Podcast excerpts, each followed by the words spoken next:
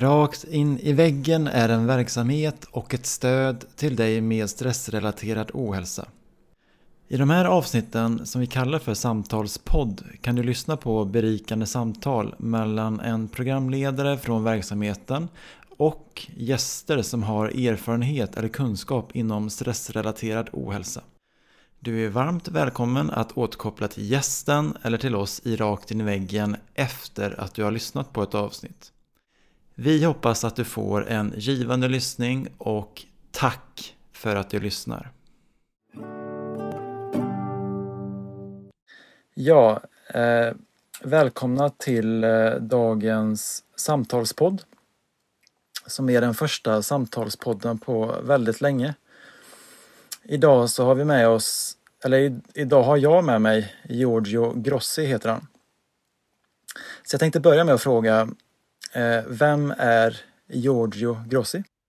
Mm. Hej och tack för att jag får vara med för, eh, först och främst.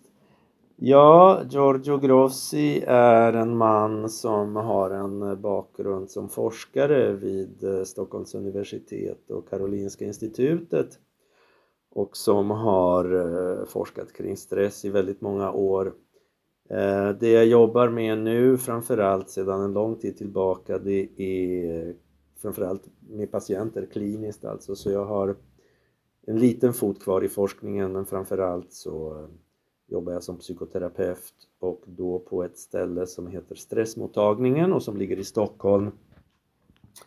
Och som är förmodligen landets första just stressmottagning som startade som ett litet projekt år 2000 men som idag är en bland flera specialistmottagningar som ett tag till kommer att finnas i Stockholmsregionen då innan vi läggs ner 2025. Men eh, det vi pysslar med det är ju då eh, rehabilitering på specialistnivå för personer som har gått in i väggen. Och eh, för att komma till oss så behöver man således ha varit först på vårdcentralen eller företagshälsovården och fått första linjens hjälp och om det inte har räckt så kommer man till oss på remiss och här så jobbar vi då multimodalt som det heter med team med läkare, psykologer, fysioterapeuter, arbetsterapeuter under en längre period för att få tillbaka folk till livet och arbetslivet. Så det, det är jag i stort. Mm, tack. Jag blev lite nyfiken på hur kommer det sig att ni ska lägga ner 2025? Ja, visst är det intressant. Eh, det är ett beslut som har fattats eh, nyligen av regionen i Stockholm eller som kommer att, att, fattas med allra högsta sannolikhet. Och vad det handlar om det är att eh, det finns ett upphandlingssystem som heter vårdval som vi ingår i som innebär att patienterna själva får välja var de ska få sin behandling och det är alltså en upphandlingsform som nu inte längre ses som önskvärd så vi kommer med allra största sannolikhet att försvinna efter en dryga 20 års verksamhet. Och det är ju inte så att behovet är borta utan eh, statistiken visar ju att, att sjukskrivningar på grund av stress ökar nu mer än någonsin. Eh, av olika skäl. Va? Efter pandemin så har vi ju haft krig, har vi kriget i Ukraina och lågkonjunktur med mera, med mera. Det finns en ännu större turbulens i samhället nu förutom det här med ständig nåbarhet och upptrissat tempo i livet i stort så har vi en mängd andra saker som gör att folk mår dåligt. Så problemet försvinner inte men tanken är väl eh, på sikt då att de patienter som vi möter här ska tas om hand inom primärvården och de som är svårare fall som eh, har en mer omfattande sjuklighet ska tas om hand av psykiatrin. Eh, och som eh, du säkerligen vet och som lyssnarna också vet så är det ju så att har man gått in i väggen så är man i regel för sjuk för, för vårdcentralen men för frisk för psykiatrin och vare sig den ena eller den andra är sådär superväl eh, utrustade för att ta hand om eh, patientgruppen. Så det, det är ett problem. Ja, jag, jag, tycker det verkar väldigt märkligt för jag har samma uppfattning som dig av att det händer nästan ännu fler saker just nu som stressar människor. Och vi har ju också märkt i vår podd att, att eh, våra lyssnare har ökat, vilket man då kan koppla till att, att det kan betyda att det är fler människor som, är, som har stressrelaterad ohälsa eller som håller på att bli eller är utmattade. Och sen så vet jag också att ja. det sam, samma sak gäller en annan podd, prestationspodden, för jag läste ett inlägg även från hennes mm. sociala medier och hon menar på samma sak. Sen så har jag fått eh, höra från minst två personer som har varit på er klinik eller på stressmottagningen i Stockholm och de, det är de som har tipsat mig mm. om dig och er. Eh, för att de har väldigt mm. eh, goda erfarenheter. Så jag tycker det är väldigt märkligt mm. att, att ni ska lägga, läggas ner för att ni behövs verkligen. Eller hur? Ja. ja. Det är en konstig värld vi lever i. Ja, jag, hopp, jag hoppas på att någonting händer så att ni kan fortsätta att verka ändå.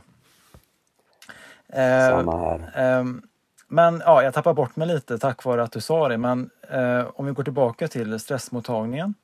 Eh, mm. Vad kan, kan, man, kan man få hjälp eh, hos er? Ehm, för jag vet att ni håller till i Stockholm. Måste man bo mm. i Stockholmsområdet eller kan man få hjälp hos er även om man bor utanför Stockholm? Ja, man kan få hjälp även om man bor utanför Stockholm. Det som blir lite knepigt det är ju logistiken att ta sig till och från mottagningen beroende på hur långt bort som man bor. Va? Men vi har ju en del patienter som kommer eh, utifrån Stockholm. Eh, det gäller att kunna ordna det praktiska på något sätt. För eh, man går ju här under en period på en fem, sex månader beroende på om det kommer lov emellan och så och man får komma till kliniken en till tre gånger i veckan. Så bor man inte i Stockholm kan det bli aningen knepigt men det mesta går ju att lösa. Ni hjälper inte människor online? Jo, vi har en del sån, eh, sådana möjligheter också. Eh, dessvärre så är det ju så att regionens eh, ersättningar för samtal online är betydligt lägre än samtal öga mot öga så att säga, live. Och av ekonomiska skäl så är det också svårt att få till det på distans. Okej. Mm. Um, du sa förut att ni är ett team som jobbar på stressmottagningen. Vilka mm vilka olika yrkesroller, eller vilka, vad består teamet av? Teamet, eller teamen, eh, består av dels läkare som brukar, Mm, inte alltid men ofta tar över sjukskrivningen, sjukskrivningarna för våra patienter under den tiden som de går i behandling här och som också hjälper till med eh, de kliniska bedömningarna som vill till för att man ska eh, ja, inkluderas i programmet. Man kommer alltså via vårdcentralen eller företagshälsovården eller via egen remiss. Men sen för att få komma in och påbörja programmet så krävs också en bedömning där man alltså säkerställer att det är utmattningssyndrom man lider av och eh, att det inte är för mycket annan samsjuklighet som ställer till det och så vidare. Så där fyller doktorerna en funktion. Eh, och sen som sagt sjukskrivningar och ehm, resonemang, ehm, dialog med arbetsgivare i förekommande fall eller med Försäkringskassan. Mm, sen så har vi psykologer, psykoterapeut som bedriver psykoterapi då, dels i grupp och dels individuellt. Vårt program består av en kombination av gruppaktiviteter och individuella sessioner. Va? Så när man börjar här, bland det första man gör det är att man går just i grupp i psykoterapi med två stycken psykologer, psykoterapeut. Och så är man en åtta stycken patienter som följs åt under hela resan. Sen efter att de åtta gångerna är klara så har vi teammöten där vi gör en slags avstämning för att se, höra med våra patienter då vad, hur långt de har kommit under de här veckorna, vad de har lärt sig, hur måendet förändrats, vad det är för förändringar som skett i vardagen. Och sen så brukar det komma ett eh, fysioterapiprogram i grupp efter det då. Och fysioterapeut det är ju den nya benämningen på sjukgymnast. Eh, och man arbetar då med fysioterapeuten med vad man kallar för basal kroppskännedom. Men också avslappningsövningar, andningsövningar, den sortens saker. Eh, olika metoder helt enkelt för att få en bättre koppling mellan kropp och knopp och kunna känna in och tolka kroppsliga signaler. Vad är det för behov de signalerar? Men också lära sig hantera symptomen på ett annat sätt, eh, jobba mer med acceptans och, men också förändra symptomen kanske, då minska stressen genom andningsövningar, avslappningsövningar och liknande. Ja, och förutom psykologer, eh, läkare och fysion så har vi också arbetsterapeuter som håller i både gruppsessioner och individuella sessioner och möten med arbetsgivare och med Försäkringskassan om det behövs.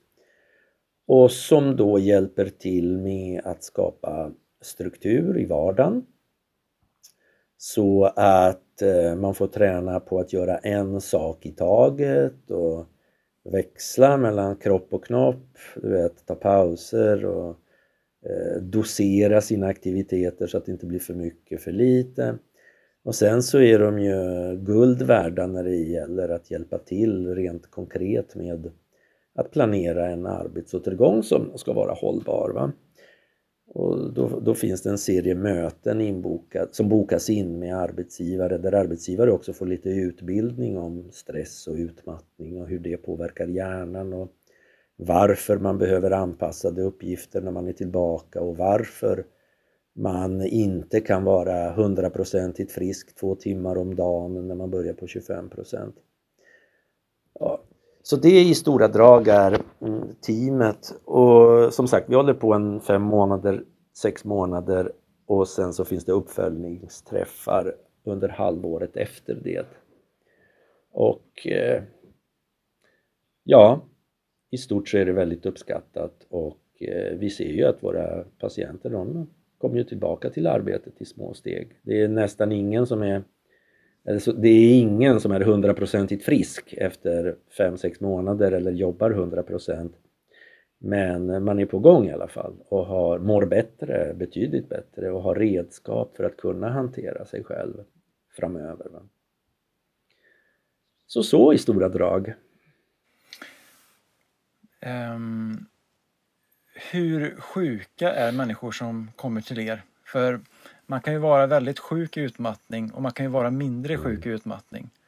Eh, har mm. ni någon, något kriterium för vart man ska ligga på den skalan när man kommer till er? Mm.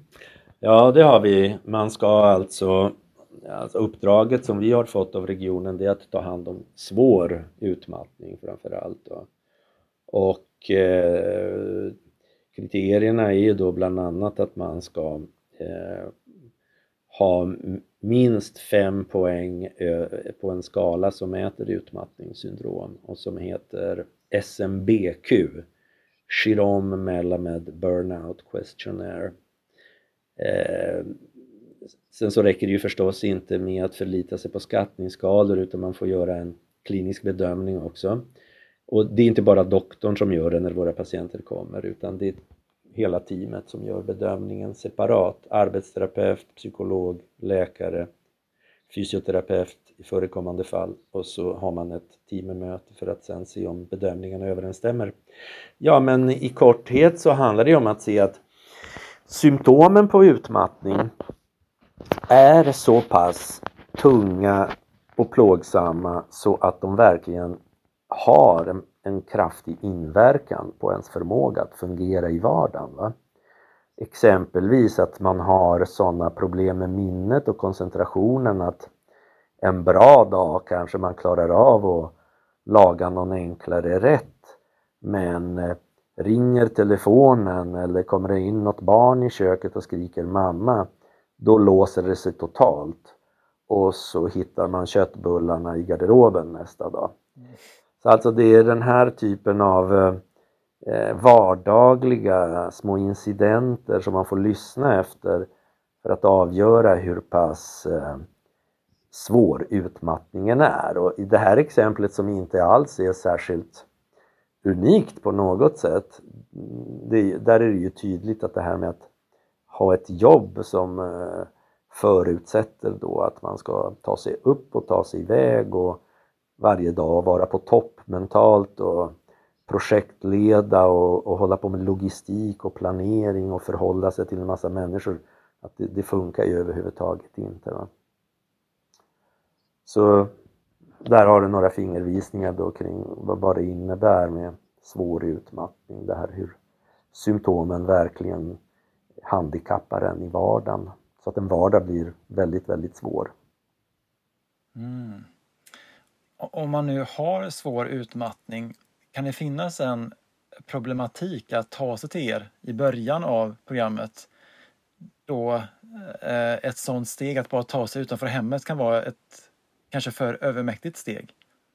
Mm.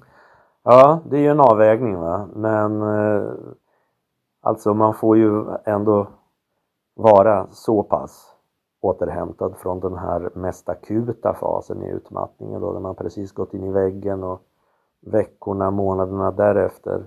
Man behöver ha återhämtat sig så pass mycket från det så att man orkar ta sig till mottagningen och också vara med på de här sessionerna. Det är ju, I början som jag berättade då, så är det ju grupppsykoterapi. Det är ett par timmar i stöten en gång i veckan och så är det ju förstås en paus under de här två timmarna men det räcker ju för att man ska vara rätt så utslagen sen resten av dagen kanske. Va?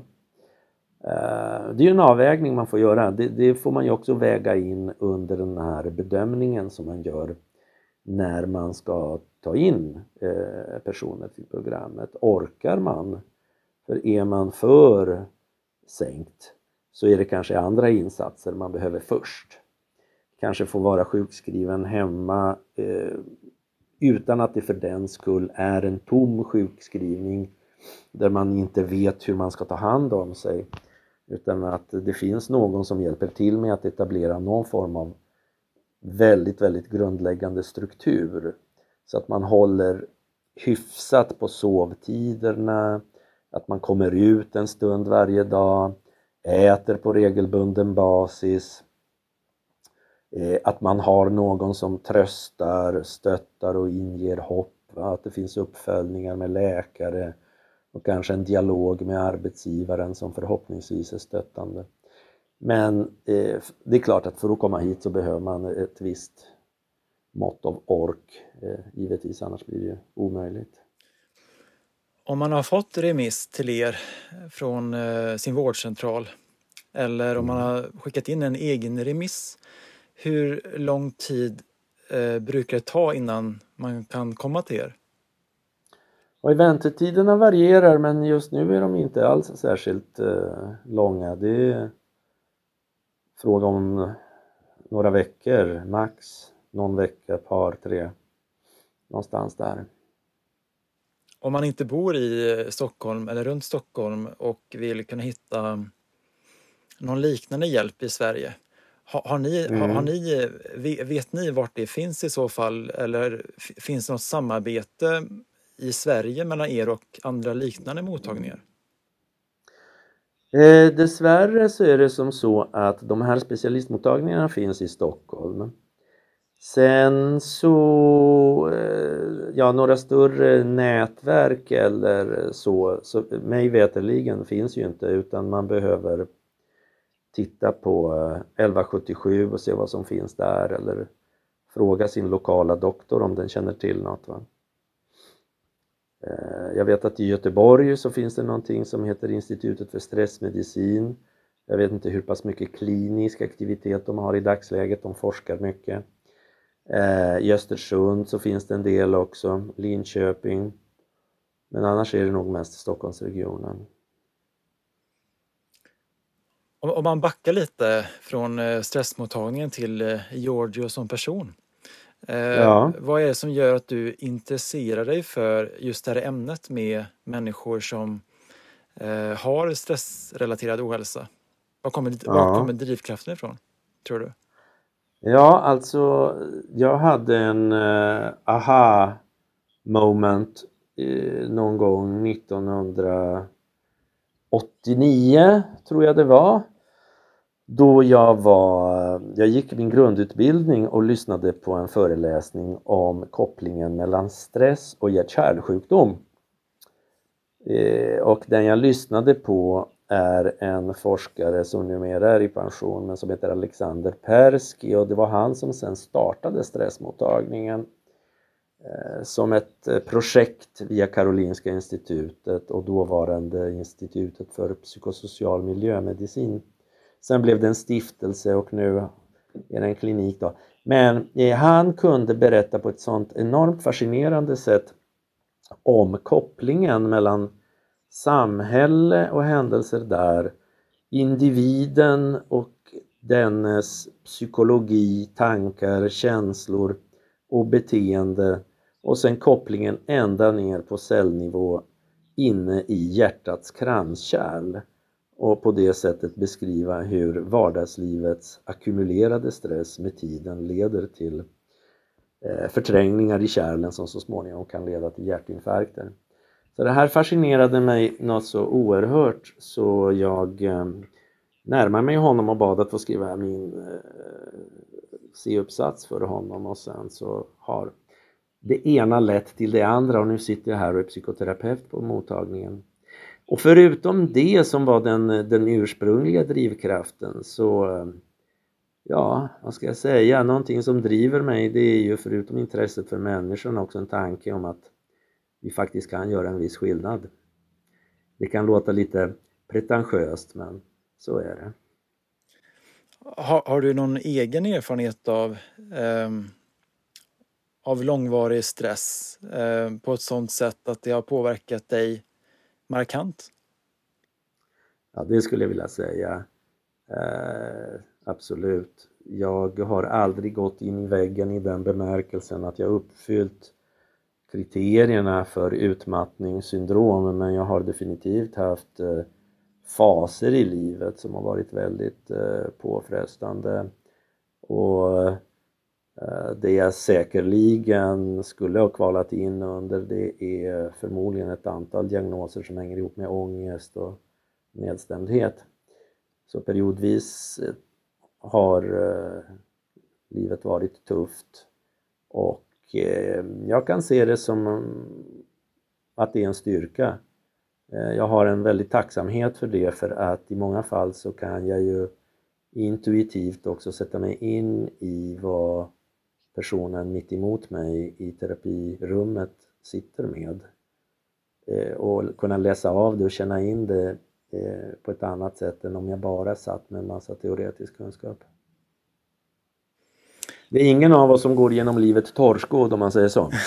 Det har du ju själv fått smaka på gissar jag. Ja, det har jag. Ja.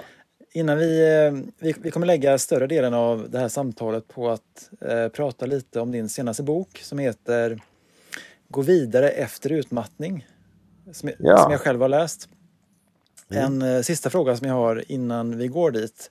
Det, är, eh, det handlar om vilken roll har du på stressmottagningen? I det teamet? Ja. Jag är psykoterapeut så att eh, jag jobbar sida vid sida med de andra i den, i den egenskapen. Mm. Okej. Okay. Ja. Och sen håller jag i en del forskning också. Ja, jag är ute och utbildar folk på, på efterfrågan. Det, finns, det händer ju att organisationer, eh, arbetsgivare med flera ringer och så vill ha föreläsningar om stress. Så då är jag ute och pratar en hel del. Men det jag gör framförallt det är att jag då eh, jobbar kliniskt som terapeut som sagt. Mm. Men då går vi till boken här och jag, jag har ju läst din bok och eh, sammanfattningsvis så tycker jag att den är väldigt bra. Eh, jag tycker du har en bra röd tråd från start till slut och jag tycker också att ämnena som du lyfter upp i varje kapitel känns väldigt relevanta och noggrant utvalda. Eh, och jag tänker att vi därför på ett ganska ehm, på ett ganska enkelt sätt går igenom alla dina 12 kapitel här i Samtalspodden. Eh, och jag tänkte då börja med kapitel 1 som då handlar om stress och stressrelaterad ohälsa. Och det kan vara så att jag har skrivit ner för många frågor eh, och då ber jag lyssnarna om överseende och Giorgio om detta. Eh, men jag tänker att vi börjar ganska grundläggande för de som behöver kanske eh, som är nyfikna på det mer grundläggande eh, gällande stress och utmattning. Och då tänker jag att första frågan är eh, om, man då, om, du, om du då kan svara på ett, på ett ganska eh, kortfattat sätt. Vad är stress för något? Det är en ganska stor fråga, men ja. Ja, ja eh, men jag ska försöka mig på ett kortfattat svar. Stress kan man se som en serie överlevnadsreaktioner som våra kroppar är utrustade med sedan urminnes tider och som handlar om överlevnad helt enkelt. Och då får man tänka att vi har uppstått och framlevt den större delen av vår tid på planeten i en mycket, mycket fientlig miljö som djur i naturen i princip och eh, vårt liv har stått på spel varje dag. Så eh, stress, det handlar ju helt enkelt om att hjärnan upptäcker någonting som den uppfattar som en fara eller ett hot. Sant eller falskt spelar ingen roll, va? utan så, så länge hjärnan uppfattar ett hot så är det så. Och då signalerar hjärnan till olika system i kroppen att de ska ändra sin aktivitet så att vi hypersnabbt ska bli redo att möta en fysisk fara och bekämpa den eller fly från den. Så kamp eller flyktprogrammet det är också ett, eh, mer eller mindre ett synonym för den typen av stress som vi känner igen när vi är sådär väldigt uppvarvade, tidspressade, jäktade och har hjärtklappning. Va? Så, så det är vad stress är, det är inget annat än en överlevnadsreaktion. Spela död, Eh, förutom eh, kamp, flykt och det är också en möjlighet och då handlar det om att vid oerhört intensiv stress där vi inte ser några utvägar eh, så kan det hända att hjärnan så att säga drar i nödbromsen och vi kan till och med svimma av. Va? Och om man då tänker sig vårt, vår ursprungliga tillvaro som jägare, samlare på savannen eller tundran så kan man ju se att fysiska hot var ju det som framförallt eh, ledde till vårt, i många fall, alltför tidiga död som individer och att kunna slåss, att kunna springa fort som attan eller spela död det var ju bokstavligen de sätt som vi hade för att hålla oss vid liv. Och den typen av reaktioner klarar vi av i regel så länge de är kortvariga. Minuter, eh, kanske någon timme eller så av väldigt intensiv stress går an så länge vi sen får varva ner och ladda batterierna.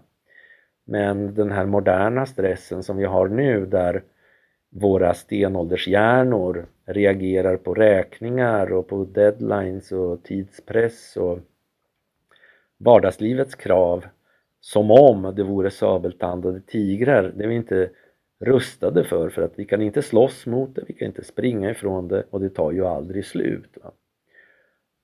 Så med det så tar ju också kroppen stryk i den bemärkelsen att det uppstår ett slitage på olika ställen som i sin tur så småningom eh, resulterar i uttalad ohälsa, sjukdom. Så det blev kanske inte så jättekort svar Alexander. Eh, jag är en pratkvarn helt enkelt. Men vi täckte av vad är stress och varför är det skadligt för oss i det långa loppet. Ja, precis. Um, du, du, du berättar lite om det, men vad, vad händer i, i kroppen um, vid stress um, i mm. dagens moderna samhälle? Ja, det som händer konkret då, det är att det går signaler ifrån centra i hjärnan ut till resten av kroppen och det som påverkas är de två huvudsakliga grenarna i det vi kallar för det autonoma, alltså självständiga nervsystemet. Och där har vi de, I de två avdelningarna då har vi en som kallas för parasympaticus som man kan jämföra med bromsen i en bil. Och så har vi sympaticus som kan jämföras med gasen i bilen. Så vid stress så minskar aktiviteten i den parasympatiska delen. Så eh, alla eh, funktioner som handlar om vila, reparation, återhämtning, matsmältning, den sortens saker, de stängs av tvärt när vi uppfattar en fara och så går gaspedalen i botten så att sympaticus aktiveras. Och när sympaticus aktiveras då ställs hela kroppen och knoppen in på just kamp eller flykt. Så att vi får till exempel ett minskat blodflöde till den främre delen av hjärnbarken vilket då innebär att vi får svårare att tänka klart. Vi blir mindre logiska, rationella utan vi går mycket mera på instinkt, på autopilot så att säga. Eh, vi får vidgade pupiller så att vi får som ett faktiskt tunnelseende, inte bara ett mentalt tunnelseende. Vi tappar det perifera seendet. Va? Eh, eh, hörseln skärps så att vi ska kunna lägga märke till faror som kommer smygande bakifrån. Vi blir spända i muskulaturen, inte minst i nacke, axlar. Den stora skelettmuskulaturen är som redo för att sprinta eller klappa till någon. Hjärtat slår fortare och hårdare så puls och blodtryck ökar och vi andas också snabbare och ytligare för att syresätta musklerna. Eh, vi tappar inte, men vi får mindre eh, blodtillförsel till extremiteterna som till exempel händer och fötter. De kan ju bli kalla, pirriga, man kan bli skakig om fingrarna, få svårt med finmotoriken. Va? Och vi får mindre blodflöde till bukhåla tarmar. Eftersom matsmältningen nedprioriteras så försvinner blodet därifrån. Och det här genererar ju då en rad symptom också så man kan få magknip eller fjärilar i magen eller att det knyter sig. Man kan känna att det är tungt att andas och man eh, känner hjärtklappningen, man kanske känner att man spänner sig, biter ihop käkarna med tiden kan man ju få värkproblematik av det. Va? Ja, vad händer mer? Vi blir torra i munnen, vi blir lätt svettiga på handflatorna. Eh, vi kan känna oss yra, darriga, få overklighetskänslor. Och sen om man tittar på kroppens biologi så är det som så att, eh, som de flesta lyssnare säkert känner till, men binjurarnas bark respektive märg eh, stimuleras till att producera det vi brukar kalla för stresshormoner. Så från märgen till exempel så kommer adrenalin och noradrenalin som pumpas ut i blodbanan och vidmakthåller stresspåslaget. Eh, från barken kommer kortisol som är ett potent stresshormon som också insöndras. Och de här hormonerna de har ju en mängd olika funktioner på kroppen. Så dels så ska de påverka andra element i blodbanan så att eh, eh, immunförsvaret till exempel blir påverkat. Vid akut stress så ska eh, det medfödda immunförsvaret aktiveras så att det finns en beredskap att ta emot virus, bakterier från en eventuell skada. Men det får inte överaktiveras för då börjar immunförsvaret angripa värdorganismen. Så då har vi kortisolet som till exempel dämpar immunförsvarets aktivitet och hämmar också inflammatoriska processer. Sen blir det ju som så att om stressen pågår väldigt länge så blir ju också immunförsvaret försvagat och då drar vi på oss den ena infektionen efter den andra. Eh, adrenalin har ju kärlsammandragande effekter också så till exempel om man skär sig i fingret under stress inte bara att blod har dragits ifrån själva området och till de stora skelettmusklerna utan det finns en kärlsammandragning som gör att man tappar mindre blod. Plus att ämnen, ämnen i blodet påverkas till att få blodet att koagulera snabbare det finns sådana eh, ämnen som brukar kallas för koagulationsfaktorer som eh, fibrinogen till exempel som då blir mera aktivt och gör att om vi skadar oss så kommer blodet att levra sig snabbare och då förebygga en förblödning. Så det finns ju en mängd sådana här olika eh, anpassningar som sker på millisekunden och som ska tillåta oss att verkligen under ett kort ögonblick bli Stålmannen eller Stålkvinnan. Få tillgång till oanade krafter, inte känna smärtor, inte känna skavanker. Och sen när faran är över, då kanske att skavankerna känns, men inte när det gäller. Så det här är verkligen en väldigt, väldigt sofistikerad reaktion i överlevnadens tjänst. Hur, hur påverkas eh, hjärnan av stress? Ja, det är ju på det viset att eh, som sagt, när vi ställs inför en akut stress och eh, eh alltså stressen är över en viss grad på en skala så blir vi ju ganska blockerade mentalt i stunden.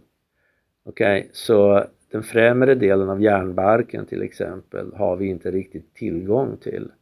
Och där sitter ju också, om man nu förenklar resonemanget, det som man brukar sammanfatta under termen exekutiva funktioner. Inte bara i främre hjärnbarken men till stora delar. Och enkelt uttryckt så kan man väl säga exekutiva funktioner det är, det är en sammanvägning, en sammanslagning av olika funktioner som vi skulle kunna se som vårt som vår inre projektledare så att säga. Där har du rationalitet, du har logik, du har förmågan att planera, att föreställa dig någonting du vill åstadkomma i en framtid och lägga upp en plan A, plan B, plan C.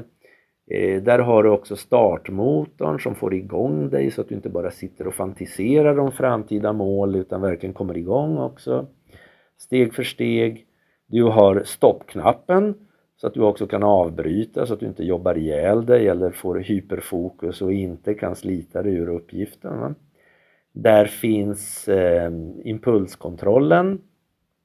Där finns en filtreringsfunktion som gör att ljud och eh, eh, ja, andra visuella intryck till exempel, intryck generellt går att filtrera bort så att du kan upprätthålla uppmärksamheten på det du gör. Eh, och allt det här fallerar ju temporärt. Det här och mycket annat fallerar ju temporärt när vi sätts under akut stress momentant. Det kan ju bli helt blankt upp i huvudet. Samtidigt som, nu pratar vi akut intensiv stress, Samtidigt då som andra delar av hjärnan som tillsammans utgör det man skulle kunna beskriva som den emotionella hjärnan, den känslomässiga hjärnan och där har vi ju exempelvis amygdala som finns både på vänster och höger sida i hjärnan. Det är ett område som blir mer aktivt under stress. Och vad det innebär det är ju att vi kan agera väldigt, väldigt instinktivt utan att tänka överhuvudtaget. Praktexemplet på det här det är att om man befinner sig i skogen och så plötsligt så tar man ett jätteskutt åt sidan och det är först när man landar från, säg en och en halv meter, två meter ifrån platsen där man ursprungligen stod. Det är först då som man blir medveten om att man där borta såg en pinne som låg under blåbärsrisen men var ganska lik en orm. Eh, så det här är ju ett exempel då på hur till exempel amygdala kan påverka oss till att agera väldigt instinktivt, ryggmärgsreflexmässigt på ett intryck som inte är en fara men som skulle kunna vara det, som liknar en fara. Det är ju inte en jättenoggrann bedömning amygdalan gör men den tänker inte utan den förflyttar kroppen och sen så får den mera Eh, den senare utvecklade delen av hjärnan komma in i bilden och ge en mera eh, fin, eh, vad säga, finkornig, detaljerad analys av vad var det vi såg där borta. Va? Och hela den här, eh, det här reaktionsmönstret är ju väldigt ändamålsenligt om man finns i en miljö där det är faror överallt och det gäller att snabbt kunna reagera. Det är bara det att i vårt moderna samhälle är det inte riktigt så utan vi har ju den här ständiga stressen. Och de exekutiva funktionerna de påverkas ju förstås i den bemärkelsen att vi arbetar med dem väldigt mycket. Det moderna arbetslivet förutsätter ju i 99 procent av fallen att vi har intakta exekutiva funktioner för att vi jobbar i projekt. Och vi ska vara uppkopplade och vi ska vara nåbara och vi ska förhålla oss till andra människor.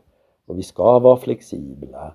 Eh, och under tidspress och samtidigt som vi gör många, många saker samtidigt för att hinna med på kortare och kortare tid.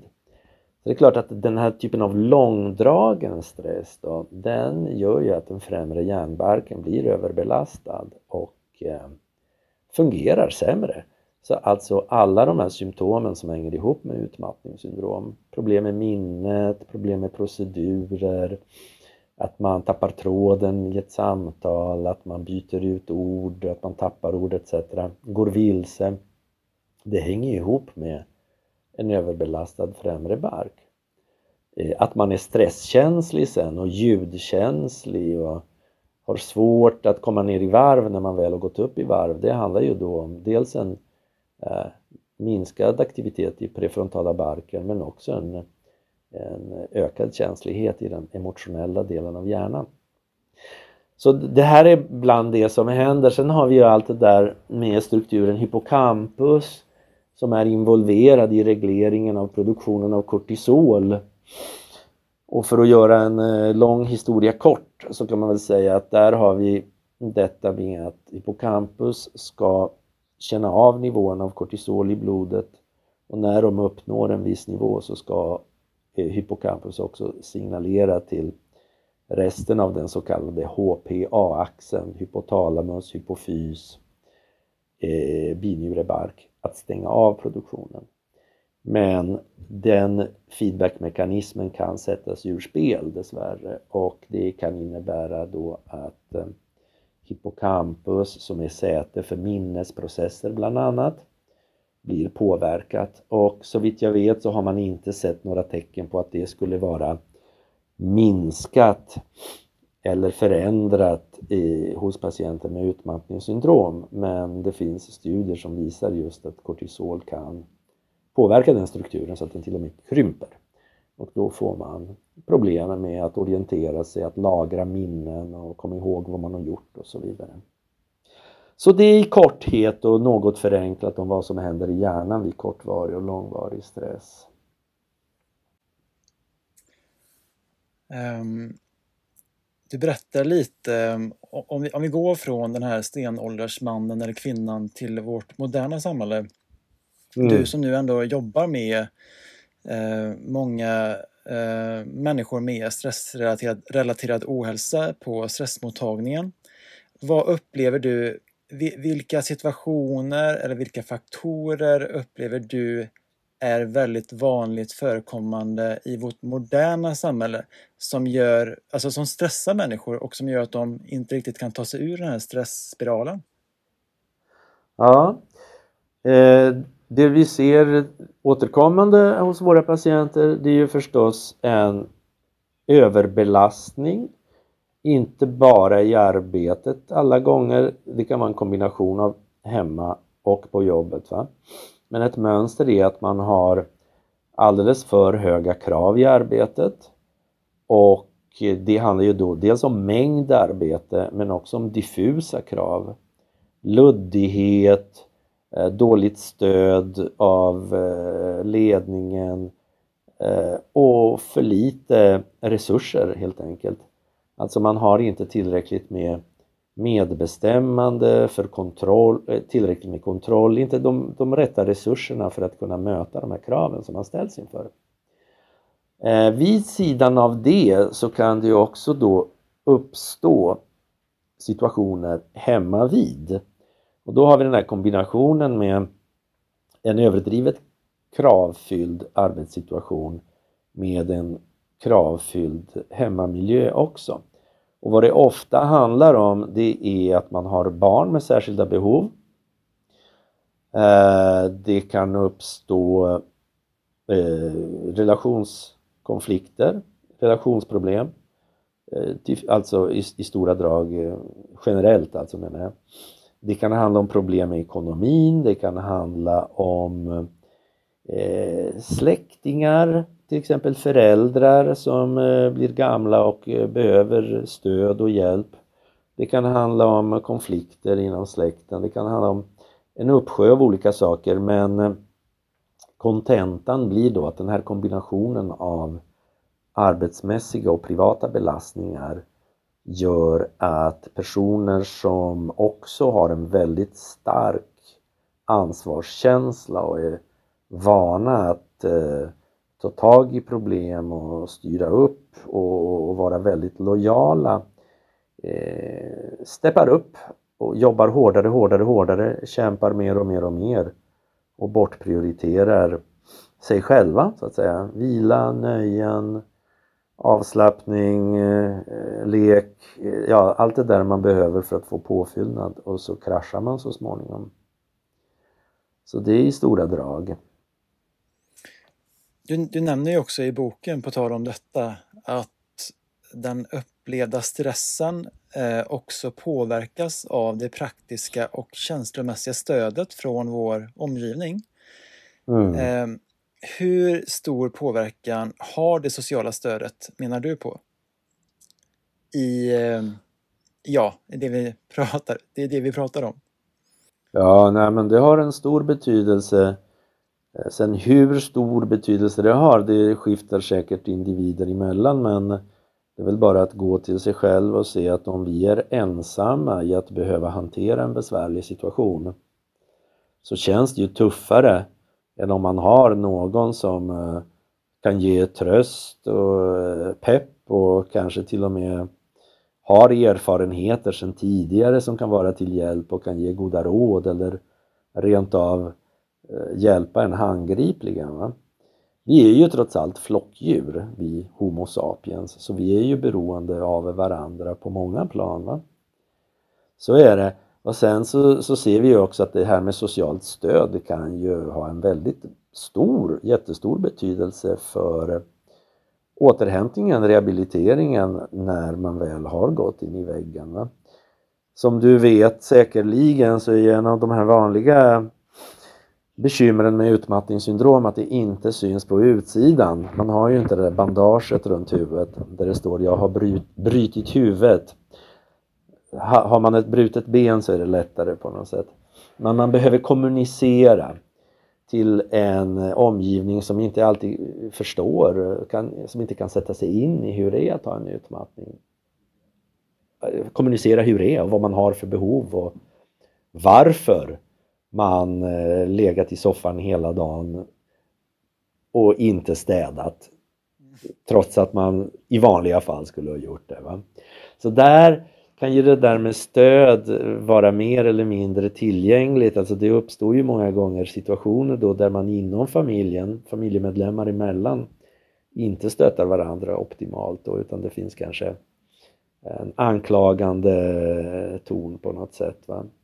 Eh, och brist på socialt stöd eller närvaro av den är ju A och O i arbetsåtergången. Såklart, har man en bra dialog med sin arbetsgivare och det finns en genuin värme från denna och en eh, sann önskan om att göra det som behövs för att arbetsåtergången ska bli så smidig och långvarigt, jag vad säger, långsiktigt hållbar som möjligt.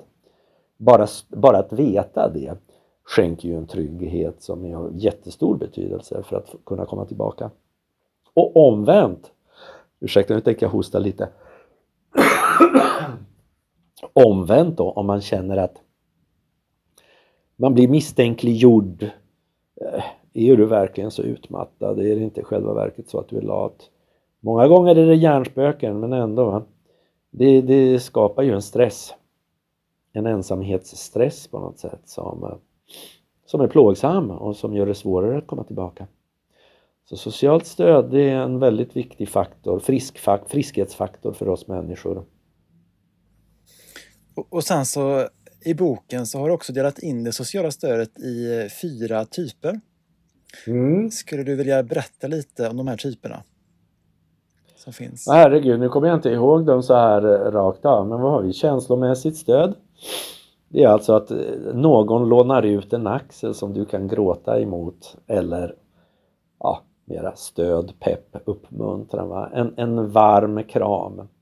Ja, rådgivande stöd, eh, Eh, ge goda råd, tips, vad är det jag kan göra i en knepig situation. Vi har det här mera eh, konkreta, handfasta stödet. Där har du någon som verkligen hjälper dig bokstavligen med att lösa problem eller vad det nu kan vara som behöver lösas. Sen så har vi den fjärde som jag inte kommer, på, kommer ihåg just nu. På tal om minne och koncentration. Vilket kan det vara? Um, jag, jag har glömt bort det också. Underbart. Um, en sak som jag tycker är lite intressant är att du också nämner i, i boken att det kan vara lite svårt att, att förstå utmattningssyndrom eh, om man inte har egen erfarenhet av det. Eh, mm. Och det kanske också är en, eh, det kan också bli en utmaning för en utmattad person, speciellt i, i stödet från familjen. För du nämnde också i boken att många som har, som har blivit utmattade, där det har gått så mm. långt, de själva har varit ganska hårda i sin um, inställning mot utmattade innan de själv landade där, eller kom dit. Mm. Så kan det vara. Många gånger, inte alltid men ja. Så... Jag tror jag kom på det fjärde, den fjärde varianten av socialt stöd. Det kan vara värderande socialt stöd som ger någon form av feedback på, sina på ens prestationer så att säga. Som lärare till exempel, mentorer och liknande som kan ge en guidning. Nej, vi, får, vi får läsa min bok en gång till helt enkelt. Ja, precis. Eh, ja. Men nu, nu tänkte jag eh, avrunda Eh, för, för det, här, den här, det här samtalet, um, den här podden har vi tänkt att släppa i två delar. Okay. Så nu tänkte vi avrunda del ett av två eh, och eh, vill tacka uh, Giorgio för denna gång och så kommer vi höras igen för del två. Så nu har ni fått en liten inblick i stress, hur stressmottagningen, vad det är för något och eh, vad de gör för något. Eh, och sen så har ni också fått veta lite om Giorgio och ni har också fått en liten, ehm, en liten inblick i, i Georgios bok här, eh, Gå vidare efter utmattning. Och i nästa del, i del två, så kommer vi prata mer, eh, mer om den boken. Så jag tackar eh, Giorgio för idag så, så hörs vi snart igen här i nästa del två. Tack Alexander och tack till alla lyssnare som också fått inblick i mitt dåliga minne. Det är lite festligt Då ta del av det kanske. Ja, det är... jag tycker minnet var ganska bra om man ser det helhetsmässigt där. Vill du också medverka i Rakt in i väggens podcast? Besök vår hemsida för mer information på www.raktinivaggen.com medverkan. Om du vill tipsa oss om en poddgäst eller om du har en fråga eller synpunkt på det vi gör kan du alltid mejla oss på podcast raktinivaggen.com för att få svar. Tack för att du lyssnar.